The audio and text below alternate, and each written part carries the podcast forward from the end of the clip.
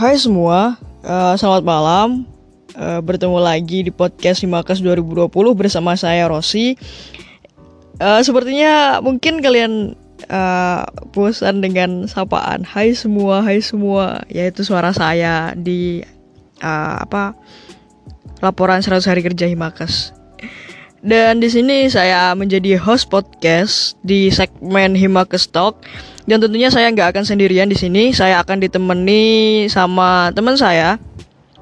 Kayaknya terlalu formal di saya. Pakai aku aja. Kali ini aku akan ditemani sama temanku. Dia pengurus Himakes 2020 juga dan sebelumnya juga pernah masuk di kepengurusan Himakes 2019.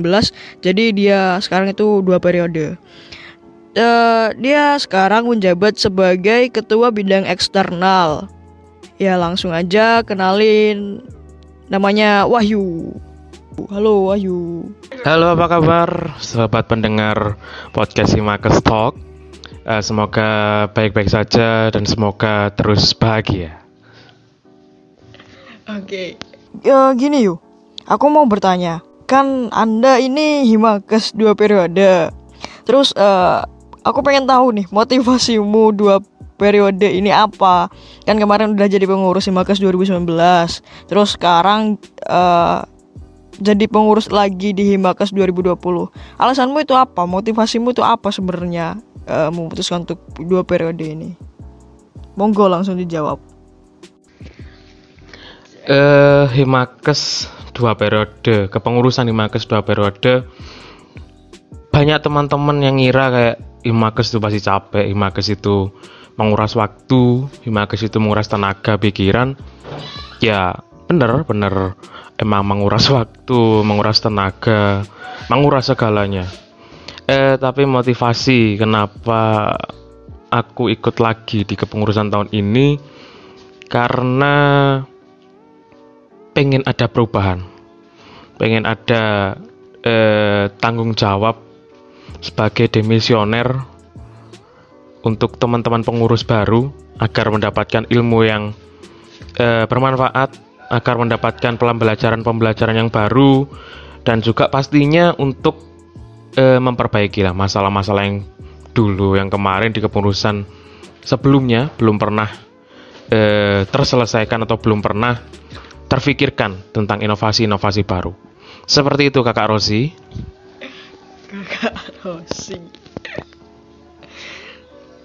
Uh, Oke, okay. terus uh, menurutmu sendiri sejauh ini berhasil nggak tujuanmu uh, mengikuti Himakas dua periode ini? Tercapai nggak apa yang apa yang anda inginkan ini udah tercapai nggak kira-kira? Hmm, belum bisa dikatakan tercapai karena mengingat ini online dan pertama kali kita mengalami kepengurusan secara online pada akhirnya um, waktu untuk bertemu, waktu untuk berkomunikasi dan juga berbagi ilmu akhirnya uh, kurang. Dan pada akhirnya tujuanku di awal untuk ikut Himakes lagi di kepengurusan Himakes tahun ini menurutku masih sedikit terhambat dan tidak dan tidak bisa dikatakan berhasil untuk saat ini. Karena juga eh, dalam kepengurusan sendiri pun eh, agak susah untuk untuk ya melakukan pembaruan ataupun inovasi-inovasi. Karena kita ketahui ketika kita punya inovasi yang baru dengan dengan kondisi yang seperti ini pasti akan jauh lebih susah karena teman-teman eh, nggak -teman, bisa semuanya kumpul. Dan akhirnya pekerjaan ini tidak bisa terselesaikan dengan mudah. Kayak gitu sih. Ya bener bener sih bener. Dan sepertinya itu juga kendala yang dirasakan oleh semua pengurus sepertinya. Uh, gak mudah menjalankan proker di tengah pandemi seperti ini. Kita membutuhkan effort yang lebih membutuhkan usaha yang lebih untuk uh, bisa menyelesaikan apa yang sudah diamanahkan ke kita sebagai pengurus Himakas ini dengan baik gitu. Terus ini ketertarikan berorganisasi. Karena uh, mungkin banyak uh, yang sebelumnya teman-teman yang sebelumnya tuh dia di SMA tidak mengikuti organisasi. Tapi ketika di perkuliahan dia tertarik untuk mengikuti kegiatan kampus. Menjadi aktivis lah ikut organisasi dan lain sebagainya. Nah itu dari Wahyu sendiri ketertarikan berorganisasinya ini apa gitu? Mengenai ketertarikan berorganisasi. Monggo dijawab. Ya uh, sebenarnya saya ini orang yang introvert. Saya introvert. Kalau kalau an, anda tanya ke keluarga saya pasti jawabnya saya orang yang pendiam eh, SMP saya juga pendiam, baru SMA saya mengawali eh, kegiatan berorganisasi. Kemudian di perkuliahan, di awal-awal perkuliahan waktu maba, saya lebih cenderung untuk kembali diam atau introvert lagi seperti itu. Karena merasa ternyata capek juga berorganisasi, menguras waktu, menguras pikiran, dan banyak sekali yang akan ditanggung pada akhirnya. Tapi ketika dirasa-rasakan, ketika berhenti itu selama satu tahun, ternyata eh, nggak eh, mendapatkan apa-apa. Aku nggak mendapatkan apa-apa ketika hanya berhenti, hanya stagnan seperti itu tanpa ikut berorganisasi. Dan pada akhirnya ikut kembali organisasi di Makes. Karena kalau menurutku sendiri uh, untuk sekarang ini aku baru menemukan kenapa aku harus berorganisasi. Karena yang pertama pasti untuk cari relasi pastilah. Dan juga pengalaman. Nah eh, pemikiran seperti itu baru muncul ketika kuliah. Kalau ketika SMA ikut organisasi ya untuk ya kita tahu sendirilah banyak teman-teman eh, ikut osis untuk mejeng untuk eh, cari popularitas kayak gitu sih sebenarnya Oke, ternyata sama ya. Aku dulu SMP juga gitu, nggak ada ketertarikan sama sekali berorganisasi. Tapi dibilang pendiam juga nggak pendiam-pendiam banget sih. Uh, ya biasa-biasa aja lah. Terus SMA nyoba buat ikut organisasi, akhirnya masuk di OSIS. Terus waktu kuliah juga mikir masa iya sih aku gini-gini aja kuliah pulang kuliah pulang. Akhirnya nyoba ikut daftar kepanitiaan daftar himakas juga meskipun ya sebelumnya waktu itu mungkin belum beruntung lah. Tapi akhirnya nyoba nyoba nyoba masuk di kepanitiaan. Habis itu setelah kepanitiaan selesai daftar di himakas gitu. Ya itu proses lah teman-teman. Uh, dan buat kalian yang berpikir bahwa kalian tidak berhak atau belum berhak belum bisa belum mampu uh, berorganisasi karena ya kalian merasa belum bisa berpikir secara kritis atau belum bisa berbicara di depan umum dengan pede dengan lancar dan lain sebagainya. Belum bisa menyuarakan pendapat kalian. Uh, itu nggak masalah. Kalian nggak usah berpikir seperti itu. Karena ya kalau kalian ingin ya udah lakukan aja. Kalian buktikan kalau kalian kalau kalian itu mampu gitu. Semua orang pasti pernah diremehkan. Sama seperti sama seperti aku juga. Dulu sempat diremehkan. Siapa sih Rosi ini? Cuma mahasiswa biasa dan lain sebagainya. Itu itu pasti pernah. Semua orang pasti pernah mengalami itu diremehkan. Tapi ya bagaimana cara kita untuk uh, menunjukkan itu bahwa kita sebenarnya itu layak kita sebenarnya itu bisa itu tergantung keinginan kita sendiri. Apakah kita mau untuk membuktikan bahwa kita bisa? Atau ya ya udah gini-gini aja gitu. Tapi bukan berarti mahasiswa yang tidak berikut organisasi itu buruk. Enggak enggak. Bukan seperti itu. Semua orang ikut organisasi atau enggak mereka berhak berproses. Mereka berhak menentukan jalan mereka masing-masing. Setiap orang pasti punya jalannya sendiri dalam berproses.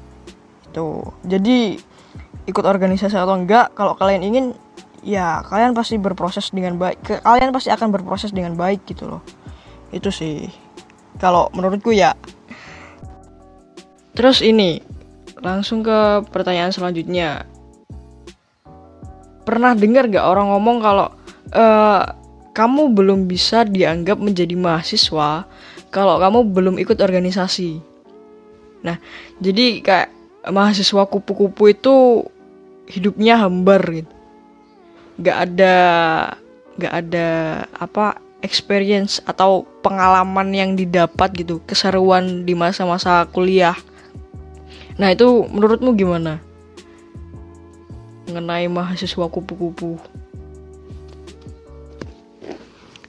Eh aku lebih tidak setuju dengan orang yang mengatakan bahwasannya orang uh, mahasiswa yang kupu-kupu atau kuliah pulang kuliah pulang ataupun kuliah nongkrong ataupun uh, kuliah sering hilang. Kalau menurutku uh, aku nggak setuju dengan orang-orang yang mengatakan orang-orang tadi itu tidak punya pengalaman ketika nggak ikut organisasi. Karena semua mahasiswa punya haknya sendiri untuk menentukan pilihan hidupnya. Karena menurutku mahasiswa ini udah dewasa lah. E, kecuali yang Axel kayak gitu kan. Kan mungkin Axel umur 14 tahun dia pinter Axel. Berarti kan pikirannya pinter tapi mungkin emosinya belum dewasa. Tapi kalau menurutku semua mahasiswa punya hak untuk menentukan jalannya sendiri, menentukan keinginannya sendiri. Dan buat teman-teman eh, aktivis atau organisatoris yang kemudian mengatakan atau menyebutkan kata-kata seperti tadi eh, mohon untuk dipikirkan kembali. Karena eh, ketika kita sudah berorganisasi ataupun jadi aktivis saya kita juga menghargai eh, lebih menghargai ataupun juga lebih menghormati eh, hak-hak dari teman-teman mahasiswa yang lain. Karena mereka punya eh, hak untuk menentukan tujuan hidupnya sendiri. Seperti itu sih. Ya benar sih ya. setiap orang pasti punya jalannya masing-masing. Dan poin terpentingnya adalah uh, meskipun dia kupu-kupu itu kuliah pulang kuliah pulang uh, ngapain gitu apa yang dia lakukan setelah dia kuliah terus pulang itu ngapain? Uh, belum tentu dia habis kuliah pulang terus cuma tidur tiduran belum tentu seperti itu. Siapa tahu dia kuliah pulang terus dia ada kerjaan punya bisnis atau apa atau membantu orang tua. Kan uh, ya mungkin apa yang dia dia lakukan setelah dia pulang kuliah itu lebih bermanfaat dibanding uh, dengan uh, mahasiswa lain yang diem di kampus sering di kampus gitu. Jadi ya bener jangan menjustifikasi teman-teman yang kuliah pulang kuliah pulang. Uh, terus ini kan sebagai aktivis atau orang yang sering ke kampus ngurusin ini dan lain sebagainya itu pasti dari masyarakat itu punya stigma kalau misal aktivis itu pasti kuliahnya telat, lulusnya lama. Nah, itu gimana pendapatmu? Apakah benar semua aktivis itu kuliahnya lama dan lulusnya pasti telat? Ayam siapa ini? uh, sebelumnya perlu digarisbawahi kalau saya ini bukan aktivis. Uh, aku belum bisa dikatakan aktivis karena belum punya eh, inovasi atau gebrakan yang menguntungkan masyarakat atau memperjuangkan haknya masyarakat. Jadi ya sebagai mahasiswa biasa yang ikut organisasi lah. Mahasiswa biasa yang kebetulan sering ke kampus. Ya seperti itu. Eh kalau kita nggak mengatakan eh, kuliahnya telat, lulusnya telat maksudnya, lulusnya telat tak rasa munafik ya. Kayak uh, kita sebagai organisasi toris orang-orang yang ada di organisasi kemudian bilang bahwasanya oh kuliahku aman. Uh, oh uh, mata kuliah ataupun nilaiku aman. Uh, tak rasa ketika kuliah aman itu berarti teman-teman menurutku ya menurutku ya teman-teman di sini kurang kurang uh, apa ya namanya eh, kurang 100% lah dalam berorganisasi setengah-setengah lah dalam berorganisasi karena menurutku ketika kita memilih antara organisasi dan juga dan juga kuliah pasti akan ada korban dalam salah satu hal itu. Aku pun mengalami hal itu sendiri. Nah, maka dari itu kenapa aku aku bisa uh, aku mengatakan seperti ini karena aku mengalaminya. Uh, di mana sebagai orang yang uh, concern di di organisasi uh, akhirnya juga mengganggu pada mata kuliah ataupun perkuliahan.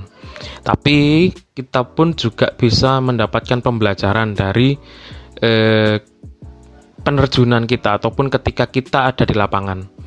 Karena pembelajaran ataupun ilmu bisa didapat dari mana pun dan dari siapa pun. Tapi ya ketika memang perkuliahan ini nanti terganggu, ya kita juga harus punya punya apa namanya eh, komitmen. Kita harus punya komitmen eh, ketika kita datang ke sini ya tujuan awalnya untuk kuliah. Tapi ketika kita juga harus berorganisasi cari pengalaman dan juga eh, cari relasi juga jangan sampai melupakan tujuan awal kita ketika berada pertama kali di Universitas Jember. Kayak gitu. Kalau menurut gue ya. Ya mohon maaf kalau teman-teman ada yang tersinggung mohon maaf ini. Tersinggung ya. Tadi kan uh, se sebenarnya secara nggak langsung Wahyu tadi menyebutkan uh, dampak baik dan dampak buruknya ikut organisasi ketika kita tidak bisa memanajemen waktu dengan baik uh, terus ini ada nggak sih pengalaman lucu ketika uh, apa berada di situasi harus membagi waktu antara kuliah dan berorganisasi. Ada nggak? Mungkin uh, pas kuliah pagi masuk jam 6 uh, terus kesiangan akhirnya TA atau ada pengalaman lucu yang lain monggo disampaikan mungkin ada cerita kita berbagi cerita lah bersama teman-teman di sini Ini sekali ini pertanyaan ini. Langsung menjebak ini pertanyaan ini. Uh, ini jangan ditiru ya. Mungkin dia akan satu cerita lah yang bakal tak bagi. Mungkin juga teman-teman yang lain juga udah tahu tentang cerita ini. Tapi jangan sampai ditiru, jangan sampai ditiru. Waktu itu kita di Makes tahun lalu, khususnya uh, setiap minggu atau uh, dalam satu tujuh hari dalam seminggu itu kita selalu aktif di mana Senin sampai Jumat kita rapat kemudian juga menyiapkan kegiatan atau agenda yang ada di Makes. Sabtu Minggu pasti kegiatan dari Makes. Bisa sampai uh, malam kegiatan itu bisa sampai malam ataupun kadang kita pulang pagi jam satu seperti itulah. Nah kebetulan ketika hari Minggu itu kita ada acara sampai malam kalau nggak salah. E, kemudian Senin pagi jam 6 ada kuliah. E, ya kuliah salah satu dosen lah seperti itu. Dan kebetulan di situ saya sebagai ketua kelas, koordinator kelas lah. Sepertinya salah memilih itu. Gitu. Sepertinya salah. Dosen ini sepertinya salah milih saya. Sepertinya salah ini. Waktu itu eh, sebagai koordinator koordinator kelas harus menghubungi dosen ketika ada kuliah. Aku ingat menghubunginya itu jam 2 pagi kalau nggak salah. Kemudian padahal itu aku aku udah nggak niat untuk tidur sebenarnya. Sedikit ekstrim gue yeah. jam 2 pagi. Ya namanya kepepet, makanya itu jangan jangan ditiru. Uh, aku WA jam 2 terus udah berusaha untuk ya, membuka mata yang lebar-lebar tapi pada akhirnya juga tertidur karena kena kasur kan jam 4 beliau kalau nggak salah itu balas chat saya beliau bilang e, kuliah diundur jam 7 karena beliau ada urusan nah karena saya waktu itu masih tidur dan bangun-bangun sudah jam 7 Nah, ketika aku menginformasikan ke grup jam 7 itu dan ternyata teman-teman udah pulang. sampai Anda masuk. Dan sampai sampainya di kampus waktu itu eh, dosen ini wa saya lagi. Eh, mas ini kok teman-teman nggak ada ya? Wah di situ saya kaget itu. Langsung buru-buru nggak pakai mandi nggak pakai apa langsung pergi ke kampus. Pas pergi ke kampus ternyata udah nggak ada orang.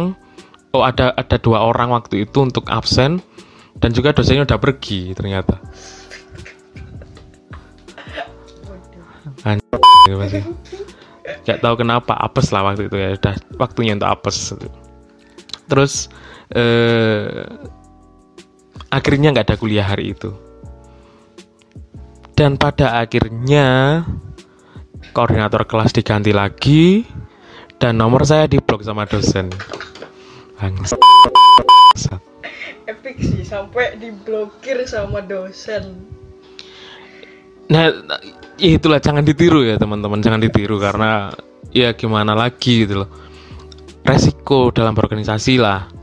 Eh, jangan sampai setengah-setengah. Kalau setengah-setengah nanti eh, nggak dapat apa-apa. gitu. Dapatnya juga setengah-setengah. Kalau setengah-setengah di organisasi, pasti dapatnya setengah-setengah juga nanti itu. Ya itu sih pengalaman salah satu pengalaman gokil lah kalau dalam berorganisasi. Sebenarnya juga masih banyak lagi cerita-cerita itu tapi sepertinya yang lulus sensor hanya ini ya gitu loh. Kayak gitu sih. Oke, Eh, ya benar Eh, harus total iya itulah totalitas dalam berorganisasi. Terus sekarang masih diblok gak sama dosennya? Oh, nggak tahu juga sih karena belum lihat juga sampai sekarang. Mungkin kalau ada kesempatan untuk ketemu, saya mau minta maaf ya ke dosen saya ini. Mungkin Pak dosen mendengarkan podcast ini, saya mohon maaf yang sebesar-besarnya. Mungkin blog saya, mungkin nomor yang di blog bisa dibuka lagi Pak dosen. Ya, eh, sekedar informasi itu itu sebenarnya satu kebetulan satu kelas sama saya juga dan itu memang ketua kelas eh, sampai ganti tiga kali karena ya itu tadi mungkin ketua kelas yang dipilih adalah kebetulan eh, orang-orang yang organisatoris lah ya jangan ditiru lah itu pengalaman yang kurang baik sebenarnya sampai di blog dosen Terus ini pertanyaan terakhir, langsung aja ke pertanyaan terakhir. Menurutmu Yu, penting nggak berorganisasi itu? Langsung dijawab, monggo. Penting nggak berorganisasi? Eh ada pentingnya ada enggaknya? Penting untuk kita cari pengalaman dan relasi tapi nggak penting bagi teman-teman yang lebih suka langsung action ke lapangan atau terjun ke lapangan. Jadi kayak gini eh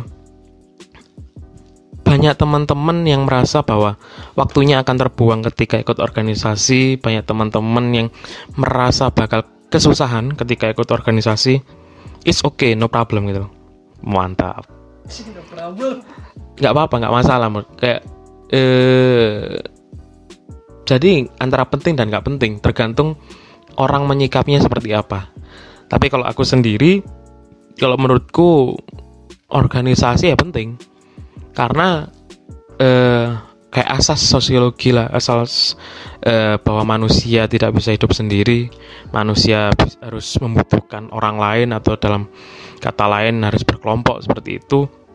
Tak rasa eh, penting ketika kita berorganisasi karena tidak hanya eh, pengalaman dalam eh, me- mensukseskan atau melakukan sebuah kegiatan tapi juga bagaimana sih cara bersikap bagaimana cara eh, bertindak seperti itu. Jadi menurutku suatu hal yang penting, suatu hal pembelajaran juga dalam organisasi ini untuk bekal kita terjun ke masyarakat nanti ketika eh, lulus kuliah dan setelah lulus kuliah pun tak rasa pasti ada beberapa organisasi-organisasi yang akan diikuti kembali sesuai dengan bidang ataupun keinginan eh, nantinya kayak gitu. Ya, seperti itu ya teman-teman. Eh, tapi bukan berarti yang nggak ikut organisasi ini dia tidak bisa menjalin relasi dengan orang lain atau dia tidak bisa berproses dengan baik. Tidak seperti itu. Setiap orang pasti punya eh, jalannya sendiri. setiap orang pasti uh, punya hak untuk memilih di mana dia berproses. Apakah dengan ikut organisasi atau dengan mengembangkan bakatnya di bidang akademik maupun non akademik semua orang berhak menentukan proses mana yang ingin mereka lalui itu. Ya yang terakhir mungkin uh, ini ya closing statement dari Wahyu sendiri, dari Mas Wahyu sendiri, sapaan akrab nih di teman-teman KS. Closing statement. Seperti orang penting ya. Nah, closing statement. Calon orang penting. Amin, amin, amin. Calon orang penting. Eh, closing statementku sih apa ya? Eh jadilah dirimu sendiri, jangan ikut-ikut orang lain. Artinya, ketika kamu, ketika hatimu e, menyuruhmu untuk berorganisasi, organisasilah. Tapi ketika dirimu atau hatimu bilang tidak, lakukan tidak. Jangan terpengaruh oleh orang lain karena yang menjalani hidupmu adalah dirimu sendiri. Jangan sampai menyesal nantinya karena pilihan yang kamu pilih bukan berasal dari hati dan juga logika yang kamu pakai. Itu aja sih. Oke, sangat bijaksana sekali. ya, itu tadi closing statement dari Wahyu dan aku mau sedikit menambahkan sebagai penutup terakhir ini tapi ini bukan podcast yang terakhir loh ya, masih ada episode-episode selanjutnya. Uh, aku mau menambahkan gini. Walaupun jadi mahasiswa apa pun kalian, mau jadi mahasiswa kupu-kupu, mau jadi mahasiswa kura-kura atau kunang-kunang atau apa pun itu, uh, mau ikut organisasi ataupun enggak itu enggak masalah. Yang penting dampak yang kalian berikan ke lingkungan kalian itu baik gitu. Dengan adanya kalian ini memberikan dampak yang baik bagi lingkungan kalian gitu. Karena proses untuk orang menjadi sukses pun berbeda-beda. Bukan berarti bukan berarti yang kuliah pulang kuliah pulang ini buruk gitu atau yang aktif di kampus itu baik ataupun sebaliknya. Semua kembali semua kembali ke diri kita masing-masing. Ke kita sendiri yang menentukan jalan jalan mana yang kita tempuh untuk bisa sampai ke tujuan yang kita inginkan. Itu sih. Ya, itu terakhir dari aku.